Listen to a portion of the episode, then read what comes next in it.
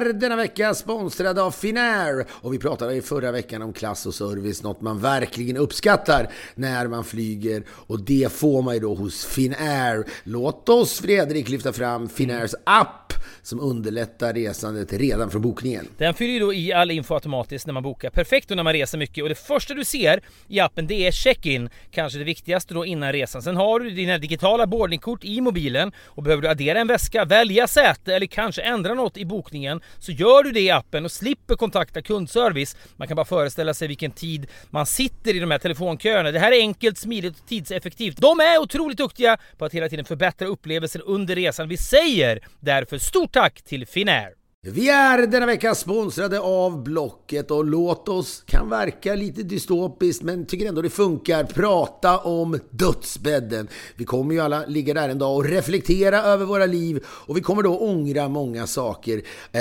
bland annat att vi inte köpte den där drömbilen som fanns i våra tankar under så många år. Ja, men kanske den där opraktiska sportbilen då som var en dröm från barnsben. Sen blir man vuxen med barn och så får man inte köpa en sån där bil. Men man skulle fan bara ha gjort det så att man inte ångrar det när man ligger där då. För på Blocket finns då bilar för alla med Sveriges största utbud av bilar till salu från privatpersoner som såväl bilhandlare. Gå in på blocket.se slash bilar och köp drömbilen på Blocket. Vänta inte så kan man då bocka av den på dödsbädden i alla fall. Det tackar vi Blocket för.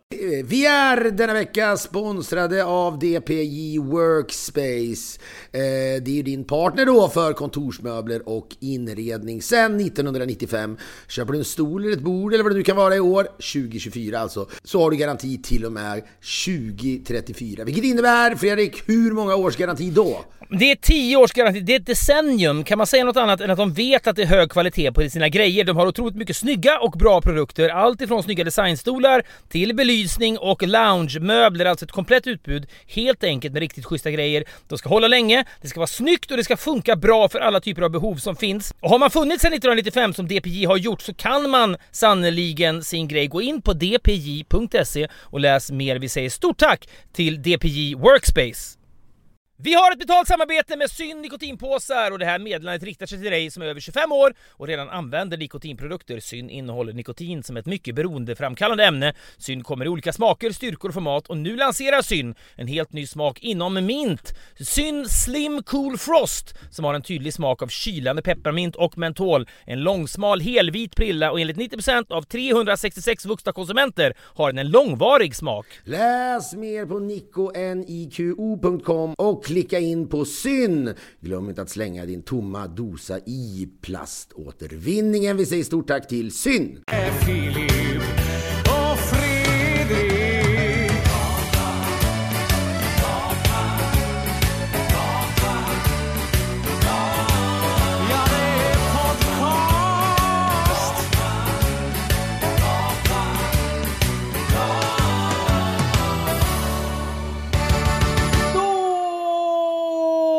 Välkomna till Filip och Fredriks podcast mitt i sommaren. Jag är på ett speciellt humör nu och jag vill bara gå in med det, tydligt med det, med det värdet i det här, det här avsnittet att jag har det som ett ok över mig.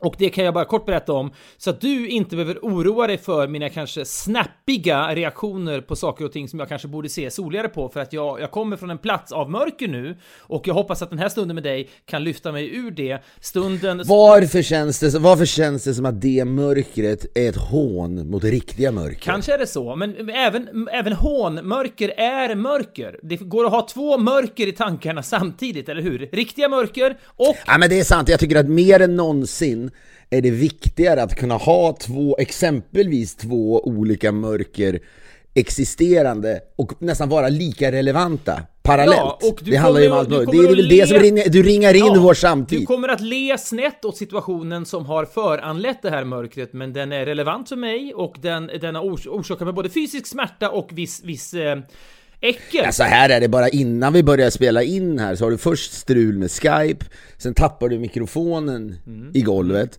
Det låter som att du är ur balans, du låter som en pappa som är i grunden irriterad på sina barn. Och sen tar du med dig det in i det här rummet, eller någonting. Ja men det var en jobbig dag. Ja men hellre det än att jag lappar på dem åtminstone. Jo, jo, men jag vet, men vad fan, jag känner väl likadant hela tiden med den här känslan av att man bara stänger in sig i ett rum, tar med sig mörkret in till andra människor som inte har någonting med det att göra, bara för att barnen har varit jobbiga. Nej, men det här är primärt inte om barnen, men, men jag skulle städa toaletten nyss och då, eh, det är min fru som är på mig, att jag ibland lämnar, det här vet du om, det har vi pratat om tidigare, att jag, jag, jag kan ibland lämna små avlagringar som jag, som jag missar i Så hastigheten. kallad kantlossning va? Är väl vad Ja, det är märkligt att det kallas lossning, för det, har ju, det är sånt som inte har lossnat, eh, men som uppenbarligen sitter kvar. Så att kantlossning tycker jag är ett vilseledande namn. Du känns ju som om din fru inte fanns, hade du och jag, jag säger du är inte äcklig på alla sätt, men du, om inte din fru fanns i ditt liv så hade du eventuellt använt samma toaborste då hade det fortfarande varit samma toaborste som när du flyttade till Stockholm. 95. Så här, snart på väg till Historiska museet. Fredrik Ja. Wikingssons legendariska toaborste. Det finns, ju det. inga, eh, det finns ju inga naturliga liksom breaking points för toaborstar. Man tänker jag har haft den här så många, jag kan använda den en dag till. Och så tänker man jag kan använda den en dag till. Och vips så har åren gått. Och så är man 46 och har samma toaborste som man köpte in på Coop Sveavägen Varför är det 1995. något så jävla ödmjukt? Varför är det något så jävla fint i det? Ja, jag är inte säker på att alla lyssnare köper den tolkningen av det här faktumet. Men här nere i Frankrike där jag är nu har vi då en annan toaborste och det som skedde var att det, eh, det var då en kantlossning som, ja, det hade väl funnits där några dagar då kanske. Det finns två sätt att ta bort kantlossning. Det här vet alla om som har haft eget boende på något sätt och inte före liksom, eller litar på sina föräldrar eller något liknande att ta bort kantlossning. Det ena sättet är att då först ha på någon slags eh, mjukgörande medel, någon slags upplösande medel som då underlättar den här Vänta, vänta, processen. nu, stanna stanna, stanna här. Mjukgörande medel, det är väl sånt man har liksom i ansiktet och sånt där. Ja, alltså, okej. du, menar väl, du menar väl något upplösande Ja, medel Men egentligen? det Något som är lite, absolut, något som är ja. lite sprit? Ja. Underlätta processen. Så- Ibland... Tänk om du bara tog liksom så här hudbalsam och sm- smekte in din kantlossning. Ja, Nej. Nej, men ibland orkar man inte göra den korta promenaden från toaletten till det skåp där den här typen av preparat finns. Ja, och då okej. tar man borsten och så tänker jag jag ska vara lite våldsammare än vanligt nu så kommer det här att lösa sig utan den här jävla... Bättre för miljön också att inte trycka ner en massa preparat Hur kanske. låter det egentligen när din fru påtalar det här till dig? Du ligger då och kanske läser en David Niven-biografi ute i solen, du har precis Mm. varit på toa. Ja. Hur låter det då när hon kommer fram till dig egentligen? Hon säger då frasen “Är det du som har varit på toan?” Men det är inte ens ett frågetecken i slutet. Är det du som har varit på toa? Punkt. För hon vet ju om att det är jag som har varit på toan. Och då förstår jag precis vad hon menar, så hon behöver inte säga mer, så då suckar jag omärkligt, lägger ner David Niven-biografin, eller vad det nu är jag läser, och så går jag in på toaletten och tar mig an den här uppgiften. Det går ofta fort, men den här gången hade då kantlossningen suttit några dagar eh, för länge, och preparatet orkar jag heller inte hämta. Jag hämtar Vet du, vad det, vet du vad det här är? Förlåt men vet du vad det är? Du vet ju, både du och jag älskar ju, eh, ibland älskar man Stefan Sundström. Man har dagar då man känner, fan, han är kanske Sveriges största singer-songwriter-poet. Det finns sådana dagar. Ja. Det fanns sådana dagar, framförallt när du och jag var lite yngre och du ofta spelade, det var någon Stefan Sundström-låt som jag nu inte kommer på vad den heter, du spelade den ofta på efterfester. Vi, ja, så här var det Filip. Vi sitter hemma på efterfest. Jag spelar låten Amors pilar, som den ju heter, som är en diskbänksrealistisk underbar låt som vi kanske avslutar podden med. Det var den jag skulle komma till. Sju, Det var den jag skulle komma ja, till. bara sju meter från detta, vad finns där? Ja, en toalett kanske. Ja, och samma toaborste jag fortfarande har hemma i Stockholm. Då, Den frä... står där! Den står där! I den här tidsmaskinen! Som jag nu befinner mig i, där jag spolar tillbaka liksom åren och ser oss sitta på den här efterfesten. Om jag då bara går några steg åt sidan in på toaletten, då är det samma blåa plastborste som följde med Och mig. egentligen samma, samma kvinnor som är på efterfesten, de är bara, liksom, det har bara blivit olika par genom åren. Mm. Det är egentligen samma gäng och så har folk blivit tillsammans med varandra. Det som är lite intressant eh, här, nu blir det en hopknytning av säcken alldeles för tidigt, men skulle man ringa Stefan Sundström nu, om han hade haft mobil, för det tror jag inte han har, det kan vara larvigt att prata om folk som inte har mobil, men det är klassiskt samtal väl, när någon vi vill ha med honom i något program, kan det ha varit Alla mot alla som snart ska börja spelas in eller så var det något annat. Men då ringde någon eh, som jobbade på vår redaktion och då svarade hans fru tror jag, som sa Nej, Stefan är inte hemma, han går inte att nås, han är och rensar fisk i Norge. Och det är, sällan har väl det funnits en, en starkare samklang under ett sam, telefonsamtal Underbart. i svensk historia tror jag. Kanske. Ja, men eh, det som jag skulle börja, hade man ringt Stefan Sundström och han då hade svarat nu och så hade man ställt frågan Äger du en toaborste? Vad hade han svarat då? Du menar att han inte äger en toaborste? Men självklart, det får ju vara, han tycker att kantlossning är en del av livet. Det ska, sånt ska finnas. Ja, men problemet, problemet, man ska ändå säga det, det finns en exponentiellt tilltagande trånghet i toa, liksom utloppet om man låter kantlossningen vara, för då fastnar ju kantlossning på kantlossning. Och bara kanske 8, 7, 8, 9 veckor senare så har du inget liksom utlopp kvar. Då har det helt Känns som att vi går i barn, känns som att vi går i barndom Ja, här vi nästan. Vi, pra- vi pratar... Ja. Nej men det är lugnt, vi ska inte göra det. Men jag skulle bara säga om den låten då, Amors pilar, som också är ett mästerverk som handlar om en, en relation som, som en gång i tiden var bra Mm. och nu är det, eh, eh, nu är det något helt annat. Nu står frun Kras. i tamburen, Mm.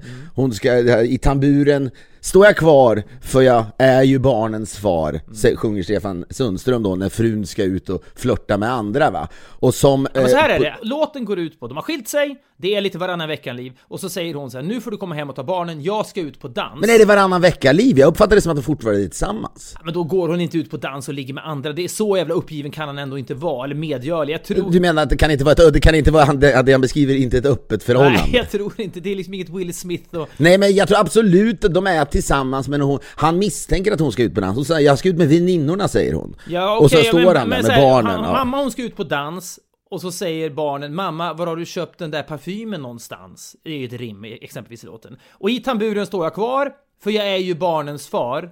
Och så säger han till barnen Kom, vi går och ser om det finns något lördagsgodis kvar. Jag tror att hon... Det är också hon- fem hon, plus. Ja, jag vill gåshud. Hon lever med barnen, nu ska hon ut på dans och hitta nya karar. Han är någon fri fågel, han kanske sitter på någon buss natten igen, vad vet jag. Nu är han hitkallad, nu får du passa barnen ikväll, jag ska ut på dans. Så är scenariot i den här låten. Och som toapappret på, ett, på någonting så är det någonting... Ja, så här sjunger han. Hennes mun en bigarå, pussar barn, säger hej då. I tamburen står jag kvar, för jag är ju barnens far. Kom, vi går och ser om det finns något lördagsgodis kvar. Sen sjunger han. En retfullt formad, röd, mjuk mun lyser kvar i vårt badrum. På toapappret, ja, som ett brev. Och det hon säger då är ta du och kyss dig i ditt skrev. Och sen säger han, jag sätter mig och tittar på TV.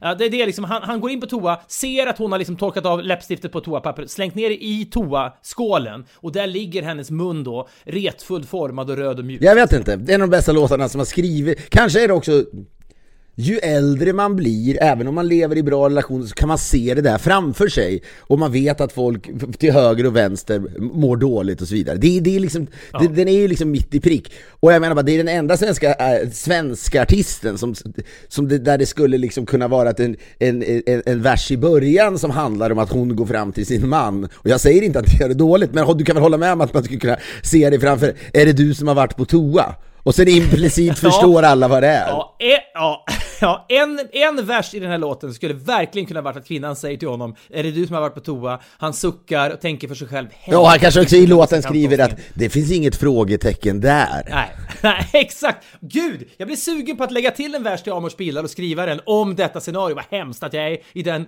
positionen i livet. Det finns Men inget frågetecken där, heller inga begär. Du vet, någon, någonting. Usch, usch, usch.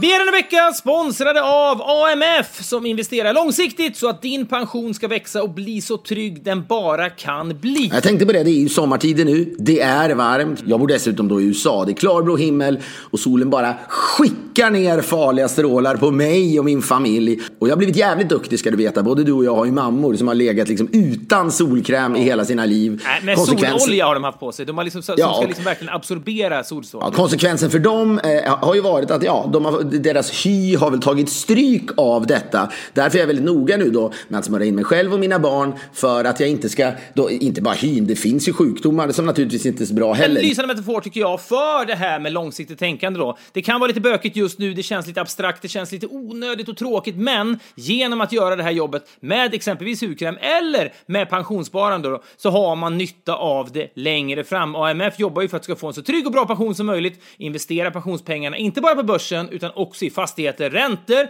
ny teknik, skog, vindkraft etc. AMF är långsiktiga och finansiellt starka, vilket gör att de kan göra så här. Det här gäller inom traditionell förvaltning. Vill du veta mer så går du in på amf.se. Vi säger stort tack till AMF. Vi är denna vecka sponsrade av våra vänner på Fodora som finns där du är i sommar. Det är så jävla speciell sommar det här ju, pandemisommaren. Man vill äta gott, restauranger är stängda kanske, man kanske inte känner sig lite nojig för att gå dit. Att då kunna få mat från bra ställen dit man är, det är så jävla Jag har tänkt på en sak här. Du är ju usel på att grilla, du är usel på att laga mat överhuvudtaget. Grilla, Foodora är jag, ju jag, jag, jag skräddarsytt för dig. usel på att grilla. Jag, jag är en av Sveriges tio sämsta grillare tror jag. Du, det är den där som fanns en tv-serie en gång som heter Sveriges sämsta bilförare. Du skulle ju kunna vara Sveriges sämsta grillare egentligen. Men om du då är dålig på att grilla, då kan du beställa burgare hem då istället. Foodora hjälper dig. Då kan du till och med kanske säga, ah, det här har jag grillat själv. Om du inte använt Foodora eller online-pizza tidigare får du 75 kronor i rabatt på din första beställning om du använder koden Filip och Fredrik. Ett ord, Filip och Fredrik. Koden är giltig till och med 6 augusti 2020, alltså i år. Vi säger stort tack till Foodora. Men det som händer då när man struntar i att hämta det lösgörande preparatet från liksom städskåpet som kan luckra upp eh, kantlossningen, det är att man måste trycka mycket hårdare. Man måste trycka neråt, man måste trycka åt sidan och skrubba och skrubba och den här jävla kantlossningen, det kändes som att den var gjord av cement. Jag har aldrig tryckt hårdare. Det som händer är att toaborsten bryts av och jag faller framåt ner med båda knytnävarna då som har varit knutna runt den här toaborsten. Trycks då Är det här en väldigt billig toaborste? Det är någon fransk skit, jag vet inte. Den går av. Men det är liksom, det är, det är basic, det är inte liksom, vi har pratat om, han är ett bra exempel för allt. Vi sa att en man som, som Micke Schiller, eh, Acne-grundaren väl, att man skulle aldrig vara rädd att vara nära honom. Han, man skulle kunna säga till honom, spotta, spotta mig i ansiktet nu, för man vet att han inte har corona så att säga. Han är så ren, han är, det, det skulle liksom Anders Tegnell håller, håller presskonferens och säger, ja, och den enda ni inte behöver vara rädd för att o- umgås nära med, det är Micke Schiller. Be honom gärna spotta er i ansiktet och se vad som händer. Jag har aldrig träffat den här Micke Schiller, vilket jag delar, ett, öde jag delar med alla Ja, lyssnare. det tror jag du har gjort Nej, men jag, det, det spelar ingen roll att man inte har träffat honom, för det är så tydligt. Micke Schiller, VD för Acne. Ja, det är klart att han inte har corona, så att säga. Och det är klart också att han har ett premium Ja, han har en så kallad, den heter VIP eller något, där man som är gjord i liksom bra metall, man kan byta ut då själva underredet. Ja, men den är så hård också du kan använda den som basebollträ. Den här, alltså det som händer när jag trycker så här hårt är att när, när, när den bryts, och jag är så oförberedd på detta, så väldigt mycket av min kroppsvikt är då liksom u- lutad över toasitsen. Och jag liksom faller ner och knytarna liksom fastnar nästan när de trängs nere i toaskålen. Och jag är liksom, eh, du vet, händerna är alltså nerkörda på grund av den här liksom viktfördelningen som har då skett över toasitsen, så är de nere till handlederna, båda knytnävarna, i detta grumliga toavatten, detta grumliga, kalkrika franska toavatten. Och jag är så, jag blir så jävla förbannad över det. Det finns naturligtvis något fint i du beskriver det då som ett mörker initialt och jag antar att det är mörkret du då, eh, det var det här mörkret du pratade om.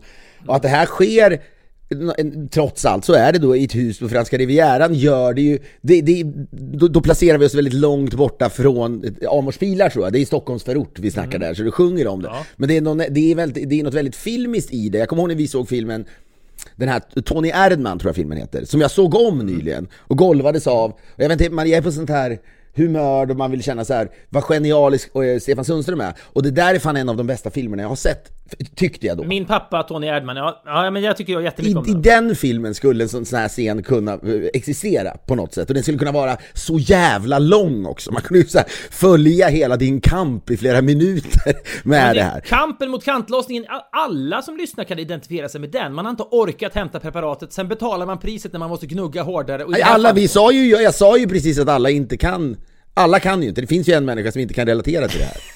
Men han kanske inte lyssnar då, Micke Ja men lyssna, men han kan inte, nej nej det kanske han inte gör, men det, det finns ju människor där ute som inte lyssnar på podden, som inte skulle kunna, om du så att säga ringer upp Micke Schiller och bara ställer den enkla frågan, kan du relatera till kantlossning? Micke Schiller, kan du relatera till känslan när knytnävarna är helt liksom submergade under ytan i grumligt toavatten? Och du har liksom gjort ett, nästan som en jävla liksom salto mortal ner i den där jävla Men håligheten. du skulle ju ta livet av dig också, det har varit en fin slut, liksom den vassa, avbrutna toaborsten. Kör du bara... Rakt in i halspulsådern Ja, någon bara. slags då, vem det nu var, den, detta eviga exemplet. Det var väl Harry Martinsson som tog livet av sig med en sax. Det är någonting med Ja. att ta livet av sig, en av, avbruten toaborste. Stappla ut till barnen i trädgården som håller på med någon, liksom, de har en sån här käpphästar och har någon slags liten hoppning spontant där ute. Jag kommer ut med liksom en toaborste, två dess in i bröstkorgen. Men det får jag bara säga, när du har gjort "Tack det här, det hej." är ändå ingenting du avslöjar, det är väl ingenting du kommer ut, det är ingen som, ingen i din familj vill ju höra mer om det här va? Det är ingenting du berättar för dem. Ingen vet om det här. Nej. Ingen vet om det här. Men- jag, måste, jag, måste väl, jag måste hitta en ny toaborste som är lika, ser likadan ut. Och så måste jag göra Så här, dagens semesteruppgift. Hitta ny toaborste på liksom... det. Jag förstår att det är en privilegierad sits på ett sätt, men det var, jag, jag, jag, jag redan nu är mitt humör bättre att ha pratat av mig. Men jag, jag, apropå Stefan Sund så tänker jag just på det här när jag åkte genom Europa på väg till Frankrike med mina föräldrar Under uppväxten. och i, ja, i en då bil. Det här också, jag är ute på roadtrip med mina barn nu, allting är väldigt härligt. Jag och min tjej och barnen så sitter de i baksätet. Du har pratat om det här tidigare, du vet hur det är. Det är rastlösheten är sinnessjuk. Var, vart, vart ska vi åka härnäst? Och så vidare. Ja, det hände en jävligt rolig grej som jag knappt kan berätta, men jag gör det ändå. Jag ska berätta den alldeles strax. Men så åker man i den här bilen och du vet, man, lur, man, man mutar dem med godis och allt vad fan det nu är.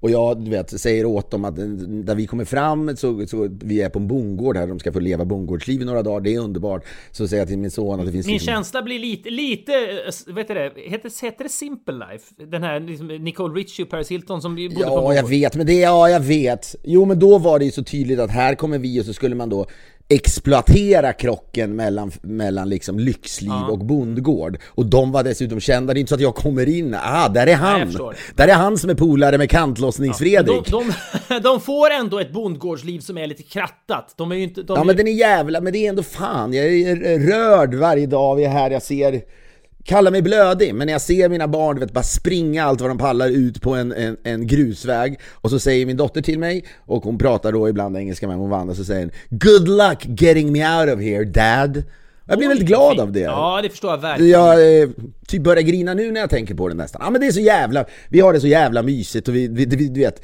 man gör de här gamla, kommer du ihåg den här loppan man håller på med? Och så skriver man vad någon ska göra, man väljer ett nummer och så väljer man, ja skitsamma, allt det där har varit, jag har bara haft jävligt kul du vet. Alltså då var det, eh, Agnes hade skrivit på någon, ”Drick glas, fem glas vatten. Och då skulle jag dricka fem glas vatten igår. Och det, min son har nästan aldrig haft roligare än när han får se mig dricka fem glas vatten. Det är li, lite, lite alarmerande då att det är det roligaste han någonsin har sett. Ja, men han är ju alarmerande, det har vi pratat om förut, jag ska komma till honom. Men jag, han är så jävla härlig dock. Han är, liksom, Ja, han är aningslös. Ja, Och du, igår snackade han om dig också, så ska jag inte vara för taskig med honom. Han frågade om dig eh, lite grann. Och Frederick the Tickler och så vidare. Och hade må, må, många... Ja, för jag sa till honom att den enda, Fredrik har berättat för mig om att det finns flygande kossor. Men då måste man åka och hälsa på honom i Frankrike. Så nu vill han åka och hälsa på dig i Frankrike för då finns det flygande kossor. Ja, min son fyller fem år i september. Ja, ja herregud. Ja men han De kommer blandar, det, är också, det, monter. det, det är väldigt mycket blandningar mellan, mellan språken. Men skitsamma, det här är ju underbart, du vet, men nu ska vi alldeles strax när, när den här inspelningen är klar, så ska vi ge mjölk till en kalv och så vidare. Jag vet, det, det kan ju uppfattas, jag förstår vad du menar, det kan ju uppfattas, åh, nu ska en man som lever ett liksom lyxliv liksom placera sina barn i verkligheten i några dagar. Det är lite som Leif Bork när han skulle, hockeytränaren som är kontroversiell som djävulen nu då, men som, han var ändå förbundskapten för Tre Kronor varje tag. Han, han, man skulle liksom käka huggorm på något träningsläger för att de här bortskämda NHL-proffsen skulle få känna på vad, liksom, vad livet egentligen gick ut på. Då skulle de fogga, det är först fånga huggormar, det här var väl tidigt 90-tal antar jag, sent 80-tal, och sen skulle de då äta huggormar också. Ja men jag vet inte, och jag visst, folk får tycka det men jag tycker ändå så här, fan. Och det är så här, man får göra det bästa av semestrarna. Egentligen skulle man kanske varit i Sverige och bilat runt och träffat släktingar. Men nu är ju Kalifornien nedstängt igen mer eller mindre. Så det finns inte så mycket att göra. Och det är ju roligt, vi har ju inte ansiktsmaskar här. De som driver den här ranchen då Ett par och deras fyra, fem barn Och det är massa andra barn här först Jag sa, när vi kom fram så sa jag till Agnes Är det lite Jonestown här eller? Ska vi vara rädda? Du vet att man tänker, är det en sekt det här nu? Vad är det som händer när vi kommer in här? Jonestown ska vi bara flika in var en, en stor sekt, slutet på 70-talet. Franska Guyana eller någonting, alla tog livet av sig, drack någon slags spetsad lemonad eller någonting. De var ju då från, han var ju en, eh, han var ju ganska begåvad den här mannen, det är väl många sektledare som är det. Tvingade dem, så det var ju kollektiv självmord som var tvingat fram. Men Jim Jones då, han, det var, jag tror han började, han började sin karriär, om man kan säga så, i San Francisco, Mm. tror jag. Eh, och jag ska komma till det lite grann här, men, men då, så, man, man, det, det, är absolut inte, det ligger en massa biblar överallt, Mm. eh, och så ser det ut i USA. Det är inget konstigt med det, och de har sin lilla eh, kyrka och så vidare. Men vi går runt här utan eh, munskydd, det gör även de som äger ranchen, och så är det en massa barn då som jobbar och ska gå ledarskapsutbildningar, och det, det är liksom tjejer som du förstår, min dotter idoliserar, de är 11 år, de rider jättebra, de går igenom om allt på morgonen. Dina, dina döttrar rider ju också, det här är mycket mer basic, min dotter har ju precis börjat så att säga. Men det är, ja, ryktar hästar och så vidare. Och då är det något par från eh, San Francisco som är med här och snackar med han, farsan står bara med en tjock Samuel Beckett-bok i handen som han läser samtidigt som dottern rider. Det gillar man ju att han är från San Francisco och läser en Samuel Ja, det Beckett-bok. Där förstår du att jag snabbt känner, det där måste jag berätta för Ja, Fredrik om. verkligen. Ja. Känner mig närvarande. Ja, men det måste jag säga. När jag då säger till, och, och frun, hon är då, hon är en stage actress från, eh, eh, från San Francisco också. Och hon berättade att hon jobbade, du vet, hon jobbade i City Light Books när det begav sig. Klassisk bokaffär, ja precis. Ja, precis. Och såg hela den scenen. Precis, den är ju, den är ju, eh, det- vi har varit där flera gånger. Tyvärr har väl den också blivit någon slags liksom, turist... Om man ska pr- prata med folk här så tycker man, nah, undvik San Francisco om ni åker till USA kanske. Det är inte så speciellt som man tror. Och framförallt har det, ja, men det har ju dött lite grann. Det är svårt med städer som under då ett 60-tal och, och kanske början på ett 70-tal var så vibrerande och en plats... Absolut. Symbol. Ja, jag märker att du tröttnar nu, men skitsamma. Men han står där. Eh, ja, lite! Ja, men jag känner mig också lugn. Jag står hela tiden och tar bilder på min dotter när hon rider och min son. Och vet, han står bara och tittar ner i den här Samuel Beckett-boken och gör understrykningar. Jag vet inte, jag tror att han, han skriver väl grejer, han kanske är playwright. Då drar jag den här, du vet den här Jim Jones-observationen för dem. Och det skrattet jag får av honom är liksom otroligt. Han tycker att jag är den roligaste människan han har träffat. För han tycker det är liksom o, det, det är helt, ganska nära de som driver det. Han tycker det är olämpligt. Men vilken respekt jag vann Ja. när jag drar det här skämtet. Ja, han tycker att du är edgy för att du vågar dra det. Ja, men också samtidigt så började jag snacka om det. Ja, det var ju en kongressman från San Francisco väl, som sen åkte ner och blev eh, skjuten där då, eh, av den här sekten tror jag. Ja, men han märker att jag har koll, skitsamma. Sen för, förlorar han sig i Samuel Beckett-boken. Och så säger man, var ska vi åka härnäst? Och säger han, well, ehm, du vet, på vägen hem, alltså vi kan stoppa, vi kan stanna någonstans mer på vägen, för det är ju ändå mysigt. Och då sa han, you could go to Salinas. Eh, och så säger jag, yeah, that's eh, where John Steinbeck is from, right? Han, han blir nästan vit i ansiktet och han känner sån respekt för mig. Ja, fan vad kul. Sådana stunder behöver man på Och sen semester. säger jag efteråt, but still, Grapes of Wrath, Vredens druvor heter den, is the most boring book I've read in my entire life, säger jag. Och då säger han, well, is it really? Och där tappar jag lite, du vet, jag tappar honom lite. Det var så här, det, ja, ja, men, Ja, men det- är bra jobbat ändå tycker jag. Det, du, du har ja, det tycker bra. jag. Ja, men jag vet, du hade varit nöjd. Ja, men skitsamma, jag sen man sitter i bilen, när jag åkte ner till Frankrike på somrarna med mina föräldrar, så var det ju så jävla varmt i bilen, för det fanns inte airconditioning, vi åkte i en skitbil. Och nu sitter mina, min son och min, min eh, dotter och klagar på airconditioningen hela tiden. Vadå för att den är för kall eller? Ja, den är inte perfekt kalibrerad, du vet så här. Den är inte på, exakt halv, halv temperatur. Och då känner jag bara, vad fan, vad är det här? Ja, Du har ju säkert varit med om samma sak så att säga. Och sen när, när jag och Agnes sitter och pratar där framme så klagar min dotter då, hon har snackat hela tiden, så säger hon Det låter som när du, när du gör en podcast pappa. Vilket kanske stämmer, jag vet inte. Hon tycker det är rätt trist och det hör mig. Men skitsamma, så stannar vi då på en mack i Paso Robles. Och den här historien vet jag inte om jag ska berätta, men jag gör det ändå. Vi är Paso Robles som är då ett vindistrikt. Du känner säkert till namnet. Och det är så jävla vackert. Men det är också så går vi in på en mack och du vet det finns en slushy maskin, sån här krossad is med världens sötaste liksom, koncentrat i. Det är helt otroligt sött. Det går inte att förstå hur sött det är. Jag var en gång på Gröna Lund och upptäckte detta. Och det var den största ansamling getingar jag sett i mitt liv. Mina barn hade pratat, vi måste få slush när vi åker till Gröna Lund. Det ska ni få, inget problem. Då får ni socker, då kommer ni vara glada och lugna i 20 minuter. Då köper jag mig den tiden.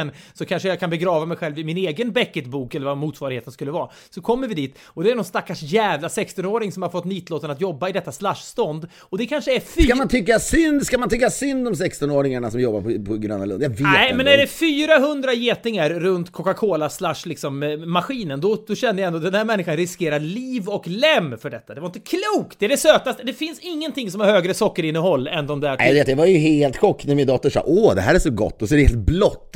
Är så sött så man bara, vad fan är det för Det här föregås att, vi, att hela familjen ska gå på toaletten, min dotter och Agnes går på en toalett och jag och Tage går in. Går vi in på en och så, oh, han är också snobbig liksom. Jackie tycker han att det luktar där inne, liksom, för att det luktar lite piss. Du, du vill hela tiden säga Tage, det här är nyttigt för dig. Ja, men jag vill också säga, ja. åk ner och bo på Tickling Fredriks to toalett så ska du få se något som är Jackie. Ja. ja. du kan också säga, har du hört Stefan Sundströms låtar? Har du hört Babyland? Och där finns då tre stycken pissoarer och så finns det en, en vanlig toalett och du vet den här med de här dörrarna som det här vi pratade om tidigare i USA, mm. där, där man liksom ser rätt, det är jättestora glipor överallt. Han skiter i att stänga den, jag förstår det. Det luktar inte så gott där inne, det gör det fan Nej. inte.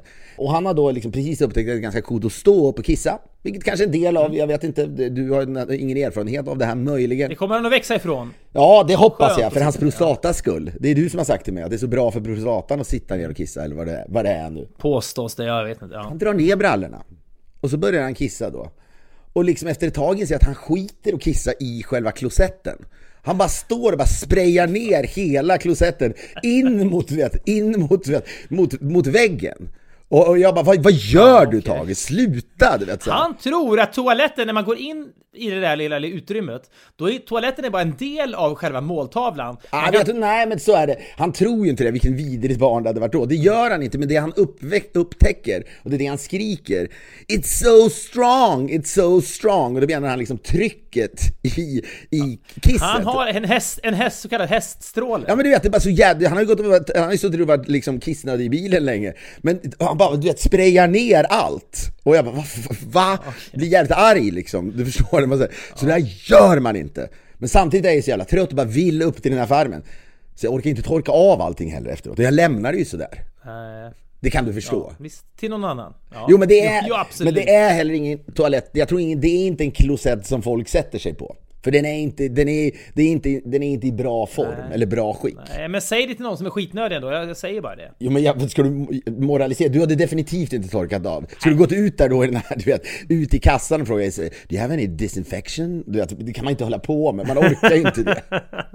Ställa sig, skru, ställa sig och skrubba. Men det, och det och, sådär, och det har nu varit ett stående skämt här, vilket till slut har liksom resulterat att han är lite stolt över det där. Jag vet inte vad, vad, vad det ska landa i. Men då började jag tänka på, den här historien har du hört.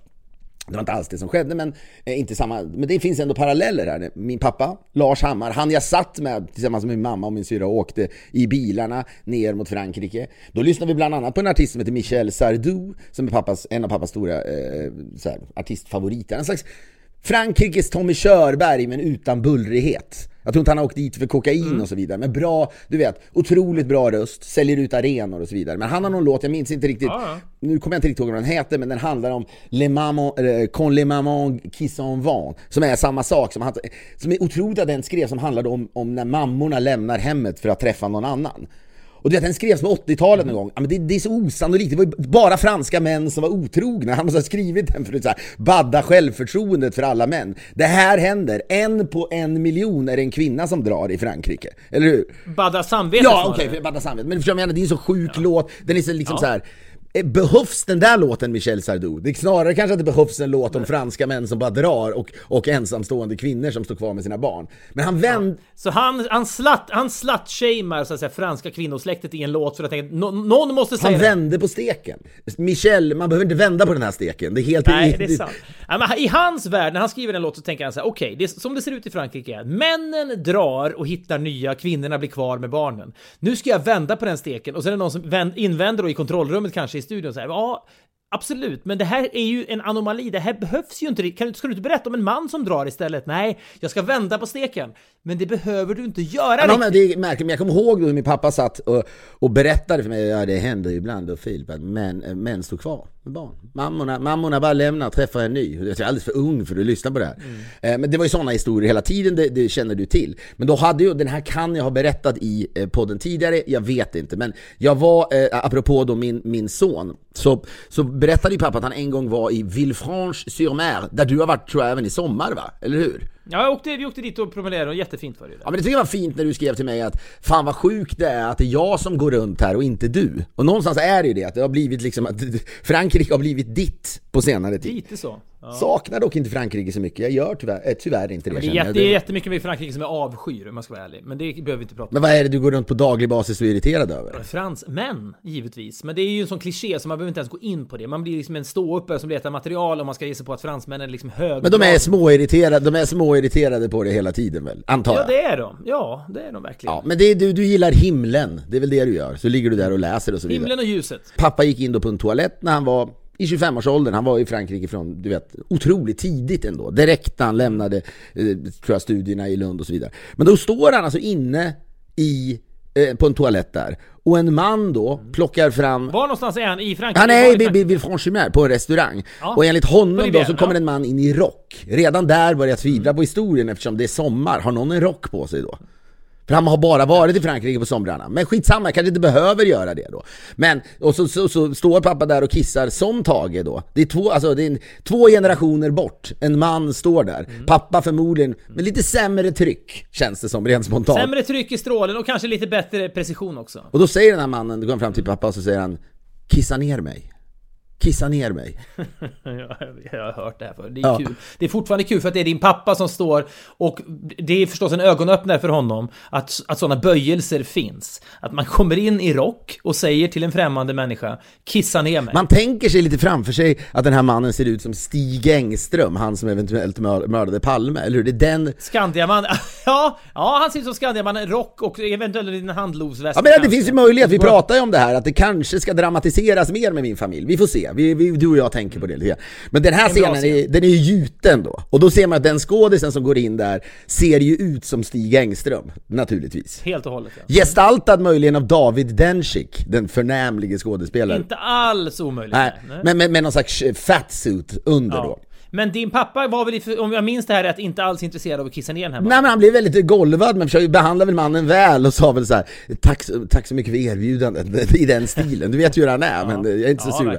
In stormar två stycken då amerikanska, eh, du vet, eh, marinsoldater. För de la alltid till med de här, med de här eh, då skeppen. Hangarfartygen. Eh, Ja. ja. hangarfartygen heter de kanske. La till med dem i då den här bukten mellan då eh, Cap Ferrat och Villefranche, om man nu bryr sig Kanske om inte sånt. ett hangar, jag kan, jag kan inte se framför mig att det är ett hangar, men stridsskepp kanske då åtminstone. Ja, men gigantiska var, var de åtminstone. Han, då, då kommer de in dyngraka. Det, det är väl liksom nidbilden av sjömän så att säga. Lägger till i en hamn och sen så... eh, Under Ska de då, göra byn och då tar de för sig? Ja, alltså 48 brinnande timmar. Det var väl där som liksom Evert Taube ägnade en hel karriär åt att romantisera så att säga. I princip. Ja, sannerligen. det, han hade inga problem med det så att säga. Åk in och svina. Det är, Evert Taube hade gladeligen pissat ner den här mannen. ja, det hade han. Och framförallt hade han inte tyckt att det var någon stor grej. Utan sånt gör man bara, naturligtvis. Ja, verkligen. Hände något speciellt igår Evert när du var ute? Nej, inget, inget jag minns. Ja, det, är- det som är unikt med honom att han skulle väl lyckas, lyckas skriva om det där på ett poetiskt sätt så att det, att det hade känts okej. Ja, ja men Möjligen. verkligen så att folk hade spelat den här låten i sina sommarprat och ingen hade tänkt vänta nu, vad sjunger han att han står och pissar ner någon jävla man i rock i Villefranche? Det skulle ingen tänka på, utan det skulle bli mer en, en, en slags ritual som kändes somrig och härlig. Vi är denna vecka sponsrade av NetOnNet som säljer det mesta inom hemelektronik, så jag tycker att det här är toppen. Allt från telefoner, tv-apparater, om man får använda det ordet, laptops och så vidare. Ja, du krossar kanske mobilen på en klippa när du badar. Jag har en känsla av att det är lite mer hemelektronik-svinn på sommaren och att då på snabbt sätt kunna ersätta, man vill inte vara utan telefonen längre, liksom en 4-5 timmar, att då kunna få en ny produkt, om man har råd med detta givetvis, då är det ju jävligt smidigt att, att detta finns. Ja, du kan då beställa en ny telefon exempelvis med fri frakt eller expressfrakt som eh, kommer till då din Instabox om paketet är lite mindre och det är möjligt eh, för det då för din adress. Eller så kommer grejerna hem samma kväll. NetOnNet löser sånt här. Eller om du vill hämta dina prylar direkt, åk ut till någon av deras 27 lagershoppar. Läs allt!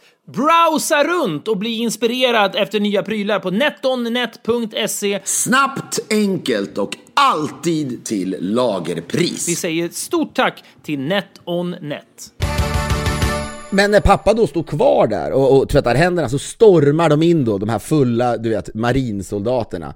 Mannen som ser ut som Stig Engström och bär rock. Han har också en attachéväska i handen, berättar pappa, vilket också är adderar till någon slags mystik eh, till den här mannen då. Det är ju någonting med attachéväskor som, gör, som är gåtfullt. Man tänker alltid, vad har de där i? Är det något värdefullt? Är det liksom, vad är det? Vi har ju nämnt det här tidigare en gång när det var ett gäng som hade efterfest på hotell Malmen på, på Södermalm och Torsten Flink dyker upp och de känner inte honom så väl. Han har med sig en attachéväska och alla undrar, vad har, varför har Torsten Flink en attachéväska Jag tror att faktiskt att, att, att Teddy Bears-mannen och den eminente, kanske Sveriges bästa musikproducent inom några genrer, det är Jocke Åhlund som berättar den här för oss. Kanske jag. Ja, han har varit på en... Ja, Ja, vad- men du vet, det är så- roligt när en människa tar höjd. Du och jag är känsliga för anekdoter, så är det bara. Och jag tycker att vi är bra på att berätta anekdoter. Vi har bra anekdoter, så är det. Eh, så att när folk tar höjd för att berätta något, så är, fryser man ju lite till is. Och du, framförallt brukar du titta på mig för att du är rädd. Okej, nu, nu de så utmanar ödet här, kommer Filip ha attention. Ja, jag, tänker, jag tänker alltid när jag sneglar mot dig, när någon tar anekdothöjd och börjar berätta, så sneglar jag alltid mot dig i en uppmanande blick som säger Visa nu inte din besvikelse för tydligt om anekdoten inte håller, utan försök maskera din Ja, för besvikelse. att du, ska, du kan nog förstå varför jag är besviken, men du är bättre på att maskera det där, överlag. Men han tar då anekdothöjd. Du och jag är ute och käkar med honom på Sturehof av alla ställen. Vi var där, det var också en cool grej, kom ihåg att han, han är jävligt cool. Bröderna Åhlund är coola, så är det. Och framförallt för oss två tuntar från landsbygden och de där du vet, det där var ju liksom skateboardare i, i Stockholm på liksom sent 80-tal. Bland annat då, så är vi där och sen en vän som fyller år, då ger Jocke Åhlund honom ett par skor i födelsedagspresent. Skulle inte det skulle man inte våga, eller hur? Speciella brittiska skor eller något så här. Men då berättar han då den här anekdoten som du ska ta. Och jag menar, han tog anekdothöjd Man får inte vara så orolig, men helvete vad han levererade tycker jag. Och nu måste då du leverera. Ja men det är ju, anekdoten är halvberättad. Slutet är egentligen bara, det, det, det finns ett uttryck tror jag i, i dramaturgi som heter McGuffin tror jag, där man lanserar någonting i, i en film eller någonting som man undrar vad, vad, vad kommer att hända med det där? Den lanseras tidigt i historien och vad kommer att hända med det där? Det är som en tickande bomb. Jo men han, han gör det ju bra, han placerar oss ju bra Jocke på en e- efterfest någonstans i Stockholm. Ja, Hotell Malmen, det är viktigt att det är Hotell Malmen också, det är nära till Medborgarplatsen. Är det millennieskifte kan vi tänka oss här då? Millennieskiftet, absolut. Och Torsten Flink är i det här skö, sköra läget. Någonstans i bakgrunden kan man tänka sig att eh, Camilla Henemark är kanske på efterfesten. Titio kan vara där också. Ja. Johan Renck kanske? Det är något slags who's who av 90-tals Stockholm, men Johan Renck kanske absolut. Det är Hotell Malmen, det är säkerligen dekadent på den här festen. Torsten Flink dyker upp, känner kanske inte alla. Torsten Flink redan då ett, eh, liksom ett bullrigt galet geni, men en människa som piggar upp en efterfest när han Ja. Dyker upp. Så länge inte efterfesten sker i ens eget vardagsrum Verkligen kanske, eller en inte. egen lägenhet. Nu är det i Hotell Malmen. Ja, han, han dyker upp med en Ja, och det attachéväska. sticker ut att den har attachéväska. Torsten Flink, li- han limmar liksom inte med en attachéväska egentligen. Det, det gör ju nyfikenheten extra stor kring attachéväskans innehåll och varför han bär den. Och ing, men ingen tänker, det är, lite, det är lite för uppenbart att fråga varför har du en attachéväska? Man vill spela det coolt. Man, man festar på, attachéväskan står eller ligger på skrivbordet. Den får vara där, Torsten har annat att göra. Plötsligt när klockan kanske är halv sex, halv sju på morgonen och så säger någon innan Torsten då ska gå vidare till annat. Torsten, du måste bara, vad har du i väskan? Och han då öppnar den och där ligger det då två kokta ägg och en porrtidning. Och det är någonting med det som är så jävla perfekt. Men det är det där då när eh, eh, verkligheten överträffar dikten. Men det är det som amerikanska soldater, de här liksom marinsoldaterna du pratar om, när de gjorde uppdrag in i fiendeland under krigstid så hade de ofta med ett survival kit, där det kanske var liksom proteintabletter, en cyanidkapsel ifall fienden kommer. Det är liksom det här lilla kittet klarar du dig på bakom fiendens linjer länge. Torsten Flinks motsvarighet till det är ju då två kokta ägg och en porrtidning. Även om han hamnar bakom... Är det så att jag ska, jag kanske ska berätta, ska jag dra den här för Samuel Beckett-farsan idag? Definitivt. Men ja, det kräver lite Hotell Malmen, Ålund, Flink. Det, jag tror inte den flyger lika bra om jag inte vet. Han är ju någon slags Bukowski, någon slags Bukowski-figur får man säga kanske. Ja, jag vet, men den, det är svårt att, att få den anekdoten att resa. Men jag menar du, även om jag är den som liksom tappar intresse och ser ledsen ut, du skulle ju kunna stoppa folk så att säga innan de börjar berätta anekdoten istället. Passa dig nu, inte, inte för min skull. Ja men jag, jag menar, det är, det är inte det lättaste, man, det, är ju, det är ju anekdoter som är dåliga, som berättas. Ja, men det är ju vi oss skyldiga till också, dagligdags. Det är väl synd. Jo men det är, ja, men fan, det är vårt yrke, vi är inte lika dåliga på det längre. Alltså det är väl vårt jävla yrke om man säger som så. Det, det där kan väl vi hyfsat. Men, ah, och min pappa som sagt var, det är kanske där jag började gilla anekdoter och han berättade då den här kissanekdoten för mig tidigt i mitt liv. Och så sa han, "Eh, vissa gillar att bli nedkissade, så är det bara. Du vet, så här. Livet är olika. Ja, ligger långt från min pappas sexualitet, tror jag. hade piggat upp något otroligt om det inte låg långt från hans sexualitet. Men... Ska jag bara, apropå, ska jag berätta bara? Jag har ju en, en, en, någonting jag upplevde igår som jag kanske också, som också är en anekdot egentligen slår det mig nu, som jag kanske borde berätta för det var någonting väldigt, väldigt Ska du ta lite höjd? men det var, det är någonting... Jag måste samla mig för att ett, det var, det var liksom, det, det som händer är att jag har ju då, som jag ofta har och som jag ofta berättar för dig, så får jag problem med en tand uppe till vänster i min jävla Ja men så är det, så Men kan när det ska det bli bra? Ska du inte men ska du inte bara byta ut den till Ja, en men jävla jag har redan plasttand? gjort det en gång. Det är en plasttand redan, men den sitter så nära in på tanden bredvid att det då kan fastna saker Men emellan. gör en plasttand till av den också då. Men det- förr eller senare så har jag bara plast i käften då, antar jag. Men jag kommer inte ens, inte ens med, med liksom styva franska toaborste kommer jag in mellan tänderna, vilket gör att jag då kan få liksom eh, tandvärk där. Och så har det varit nu i flera dagar och så tänker jag, jag står inte ut längre, jag måste ta hjälp nu så att jag inte behöver liksom sabba semestern av att varje gång jag dricker den här iskalla ölen så ska det ila i munnen. Det förstör liksom 85% av semesterns värde för mig. Kan inte dricka så att det liksom inte passerar tanden? Alltså sätta flaskan längre ner i svalget? Nej men jag kan liksom inte deep-throata flaskor. Jag dricker ofta på burk också. Då måste jag ha en riktigt jävla liksom sagt girthig till, hals. till dina döttrar när du sitter i samma anda som pappa pratar om sexuell läggning. Det jag gör nu är alltså att jag deepthroatar en flaska. Ja, jag deep-throatar en burk till och med. Så ni förstår att pappa har liksom väl tilltagna resurser här inne. Ja, Ja, men det kan jag inte göra. Det, det man ibland gör är att man häller liksom, man lutar huvudet åt sidan och så vidare. Men det är inte kul. Man vill ju kunna liksom trycka in liksom ölen i munnen med, med liksom kraft och liksom njutning. Har dina, har dina ölburkar något nya höj- höjder av kyla så att säga? Är de precis före fryspunkten så att säga? Är, Men är jag, det... jag lägger det ofta in dem i frysen, jag har iskalla glas som är immiga och här, jag, det där är en hel vetenskap och det där bemästrar jag. Det där, och då, då vill man ju kunna liksom njuta frukterna av det, det kan jag inte göra i det här läget. Så jag då söker upp en tandläkare och det visar sig då att det finns en tandläkare här nere som pratar svenska. Det är ett mirakel, jag ringer och bokar tid, det finns tid. Samma dag, det här är igår, eh, kom ner hit klockan 11 säger de, så gör jag det. Åker ner dit och eh, liksom precis bredvid ligger något radiumhem, så det är massa människor som väntar utanför i Höjden är tagen nu, höjden är tagen inför anekdoten. jag, jag hittar inte det här jävla kontoret för GPSen funkar inte så jag går först in på Radiumhemmet vilket är liksom då eh, nedslående på massa olika sätt. Det är människor som i det, i det väntrummet som har problem på riktigt givetvis. Man, det är munskydd överallt givetvis. Det är riskgrupper och jag kommer in i this dentist office och de bara stirrar på mig. This is a radium place. Ja, du vet. Okej, Okej, eh, det, här, det är fel. Hittar det till slut, men då är jag i någon slags mentalt är jag liksom i radiumland på något sätt. Det är liksom cancerpatienter och så vidare.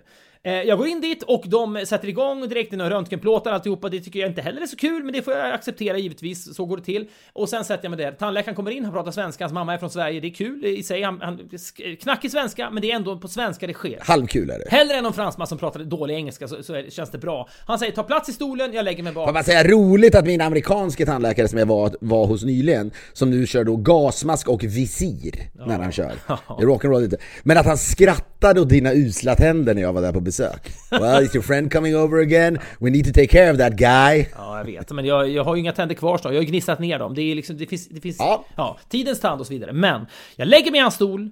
Jag eh, gör mig redo för när ja, han kommer att upptäcka ett hål nu eller någonting. Jag, I bästa fall får jag hjälp med detta och kan trycka i mig iskall öl resten av semestern och få en bra sommar. Mycket av den hänger på denna iskalla öl, nämligen. Så öppnar jag munnen, han tittar ner och så säger han bara Oh. Är du, har du alltid en svart fläck på tungan? Och, och jag säger eh, nej, det tror jag inte. Fryser du till is då? Du fryser till is, du blir iskallare än din egen öl. Då fryser jag till is. Han, jag märker hur han då liksom wobblar lite grann med något instrument på min tunga. Och jag vet, jag vet, du vet, jag vet inte vad... Jag, du jag, jag, jag tänker bara en enda sak. Jag ligger bakåtlutad med den där jävla lampan i, i, liksom, i ansiktet. Och jag tänker det är så här det börjar. Att man går in och söker hjälp för någonting. Någon säger är du alltid sådär svart på tungan? Det är så det börjar! Och sen kommer en serie skeenden som leder mot graven ju. För jag förstår ju vad det där kommer att vara. Och jag säger, nej det tror jag inte. Och han pillar lite grann på tungan så här, hmm, säger han. Och ta, mitt, min tand är ju bortglömd nu. nu finns, den finns inte längre. Nu handlar det här om att han har upptäckt någonting annat. Han pillar lite grann. Jag kan säga, jag kan bli nästan bli lite, jag kan tycka synd om jag ser hur skakig du är, du sträcker ut din tunga, hur dåligt mår. Tandläkaren har ingen aning om vilka tankar som susar genom ditt huvud i det här Men skedet. det borde han väl ändå ha kanske? Vad vet jag? Eh, jag säger, jag vet inte riktigt vad du pratar om och jag pallar liksom inte. Jag, jag, en impuls som somliga skulle ha, ge mig en spegel för att se vad fan det här är. Men det, jag, jag, jag, jag blir så illa berörd, jag vill inte ens se det där. Jag ville liksom, det vill, jag vill inte Det ens... du menar är så här det börjar, du menar det är liksom hissen är på väg ner till, liksom, till dödens väntrum Till princip. Hades. Ja, Eller du men det- befinner dig redan i döden. Han upptäcker ett, ett förstadie eller en tumör på tungan och sen börjar det och sen slutar det. Det är precis det, är det som går igenom mitt huvud. Och jag blir så jävla eh, flipp. Jag, jag kan liksom inte ens prata, så dåligt mår jag. Och han bara hmm, jag tycker så här, nästa gång du kommer hit så ska vi ta en liten biopsi på det där, säger han. Och, Nej, men och- sluta, nu blir till och med jag orolig. det säger han. Och jag, jag får sån panik så att jag, eh, ja! men En vi biopsi fokuserar- i tungan då alltså? Det är alltså när man tar, man tar en liten liksom, köttbit Ja, ur din skickar tunga den till ett och labb, skickar den till och något ska man- framstående, framstående labb i Paris. Ja. Där de då sen ska titta på den. Ja, På sjukhuset Stenbeck dog, American Hospital typ, kanske de skickade, jag vet inte. Och sen säger han, ja ja, nu, tar, nu fokuserar vi på tanden. Och jag, ja, vad, jag, jag, jag liksom, jag bara... Jag, jag, kan liksom inte prata där, jag kan knappt prata nu när jag tänker tillbaka på det. Hur, hur Men liksom... vadå, jag måste, för nu är jag så orolig, nu blir jag riktigt... Jag hoppas att den här historien slutar med att han, att han inser att den svarta fläcken inte är ett problem va? Han, han säger ingenting. Han lagar, han, han säger så här, du får komma tillbaka om en Vadå, så det är fortfarande så att han tycker att du ska ta en biopsi? Det som händer är att han håller på med det där, han lägger på någon preliminär lagning och så säger han, du får komma tillbaka om en vecka, då ska vi laga den på riktigt. Jag tror att ilandet kommer att gå över nu för jag har täppt till. Du har uppenbarligen ett hål här, det är någon flisa som har lossnat. Det är ett hål, han isolerar det. Och, men om en vecka så ska vi lösa det och då gör vi den här biopsin också. Allt kommer att bli bra, säger han. Jag eh, betalar, tror jag, jag vet inte, jag minns inte ens. Eh, går ut till bilen, Du är skakig? går ut till bilen och så tänker jag, ja, nu borde jag ju titta mig i spegeln. Det kan jag inte göra. För jag tänker, jag, om, jag, om jag upptäcker, om jag ser den här svarta fläcken på tungan nu, då kommer jag inte ens kunna köra bilen hem. Så jag sätter mig i bilen, kör hem och är, tänker, jag tänker bara de här orden, det är så här det börjar. Det är så här det börjar. Kör hem, kommer hem till huset, barnen leker och jag tänker aktiv tanken, nu måste jag snart gå in i badrummet och titta mig i spegeln och se vad det här är. Men först måste jag liksom njuta i några sista sekunder av att se mina barn leka med några käpphästar och springa runt på gräsmattan. Jag ska säga, det här är sista gången jag får se dem i det här ljuset, för snart kommer jag att se den här fläcken på tungan. Det är vad mitt liv kommer att konstitueras av. Hinner du tänka, hinner du tänka ändå, men jag bör vara tacksam. Vilket fantastiskt liv jag har haft Men på det tänker jag verkligen. Jag tänker så här, nu, nu ska jag bara njuta. Nu ska jag bara titta på mina barn. De leker, solen skiner, de har det bra. Och jag har gett dem ett ganska bra... Du vet, jag, jag tänker... Tänker du på mig? Tänker du på mig Ja, någon men det gör jag nog också. Jag tänker, vad ska vi hinna göra? Fy Det är som jag måste bara säga, en av de roligaste ögonblicken under hela quarantine-grejen när eh, mina föräldrar var i USA. Mamma har då hittat, hennes ben har svullnat upp som djävulen, hon har haft blodproppar förut. Vi blir väldigt oroliga. Jag och Agnes står och tittar på den och inser så här, vi borde nog åka in till eh, eh, sjukhuset med den. Då står pappa med där och så säger han, ja, i det här läget ska såklart ingen tänka på min hälsa. Och jag bara, det är ingen som tänker på din hälsa just nu. Det är det sjukaste han har sett. Det är ingen som tänker på din hälsa nu. Vad fan, jävla galning. Ja, Det är lite grann som den här franska sångaren som känner sig manad att skriva en låt om, om, om kvinnor som, är oskö- som lämnar familjer. För att han känner, det, det är liksom så här, det är en tanke som inte behövs. Det är min pappa som är så snäll, det där var det vidrigaste ögonblicket Ja, någonsin konstigt. som han har stått för. Ja, men jag står då i trädgården, jag, jag, jag känner aktivt mig som en svamp som suger åt mig en vacker bild. Mina barn leker, min fru sitter och läser någonting. De vet ingenting om det här som pågår. Jag, jag säger liksom ingenting. Nu ska jag bara liksom se det här. Det här är liksom en bild av lycka, av hur det ändå fick bli ett tag. Och sen måste jag ju, jag kan inte skjuta upp det längre. Så jag går in i badrummet och liksom samma badrum den här podcasten började i. samma egentligen. badrum där jag inte vet om att jag snart kommer och dessutom att bryta av en toaborste och liksom nästan plungea, dyka ner i klosetten. En av de svagaste liksom hopknytningarna av en säck någonsin. Ja men det är, samma, Men det är samma badrum och det är en intet ont anande toaborste som inte anar att dess, dess långa liv om 24 timmar kommer att gå till ända. Det vet den ingenting om. Det vet inte jag heller. Jag står och tittar på mig själv och tänker ja, så här. Det här är det, här är det sista jag kommer att se.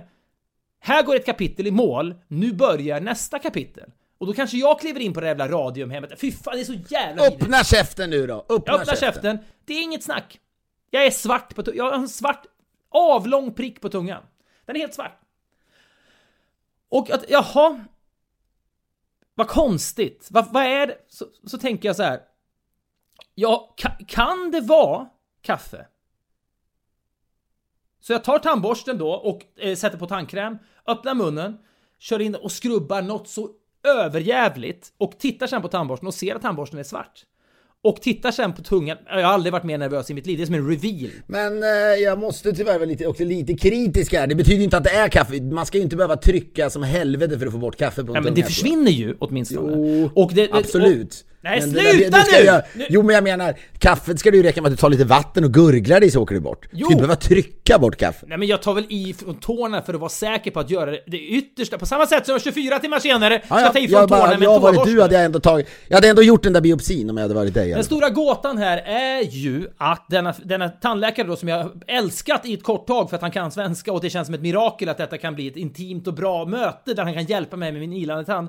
Att han inte själv någon gång tidigare har behandlat en människa som har druckit eller tagit eh, inmundigat någonting som är mörkt och kanske på något sätt sätter mönster i munnen. Att han då ska ge- mig den här oron som då förstör två timmar av mitt liv och, och få mig att då stirra rakt ner i avgrunden. Det är märkligt. Han skulle kunna tänka, drack du kaffe precis innan du åkte hit? Kanske en espresso för att sätta fart på skallen när du ska träffa en tandläkare eller du ska ha ett spirituellt möte med. Jag vet inte. Det får mig att inte vara sugen att åka dit igen. Jag vill nu inte att någon jävel mejlar till podcast.poddff.com och säger jo, det där borde du kolla upp. För jag vill inte kolla upp det. Jag vill känna mig frisk och stark. Jag vill njuta av min ledighet. Det vill många av er också. Vi älskar att ni tar den här stunden. Det är underbart, vi är lika tacksamma varje vecka. Jag är tacksam för att jag får prata med dig Fredrik och jag är tacksam för att det finns folk som överhuvudtaget orkar med oss längre.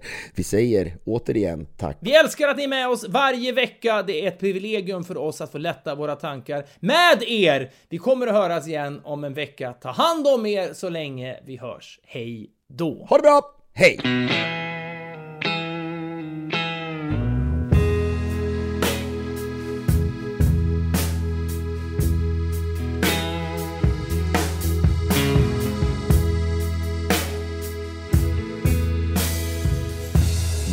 Klär hon på sig. Och ska gå. I kort svart kjol och tajt trikå. Barnen hänger som en svans. Mamma hon ska ut på dans. Mamma, var har du köpt den där parfymen någonstans? Gula Blend, en travdisk. Snoriga barn och djupfryst fisk köpa vin och vin. Ändå blir det bara gräl.